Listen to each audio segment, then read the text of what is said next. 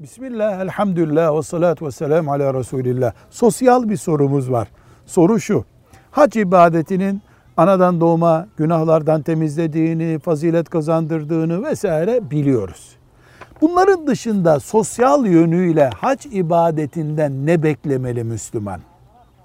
Kendisi hacca giderken, hacca gidenden, hac atmosferinden, Arafat'tan, Mina'dan, Müzdelife'den, Kabe tavafından ne bekliyoruz? Bir, Allah'ın huzurunda Adem'in çocukları olarak eşit olduğumuzu hatta elbiselerimizin bile tek renk, tek tip olacak kadar eşit olduğumuzu haç bize öğretiyor. İki, ümmeti Muhammediz diyen, İslam dinimdir diyen herkesin merkezi bir tanedir. O da Mekke'dir.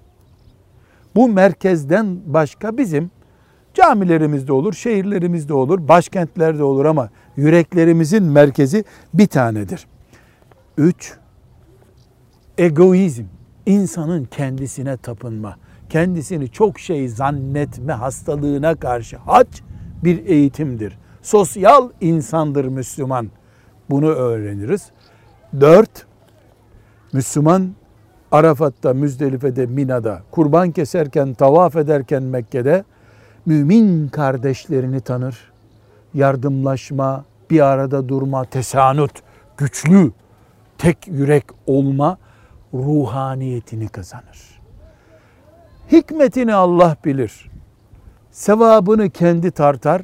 Sosyal yönleri itibariyle haçtan biz bunları bekler ve uygulamaya çalışırız. Velhamdülillahi Rabbil Alemin.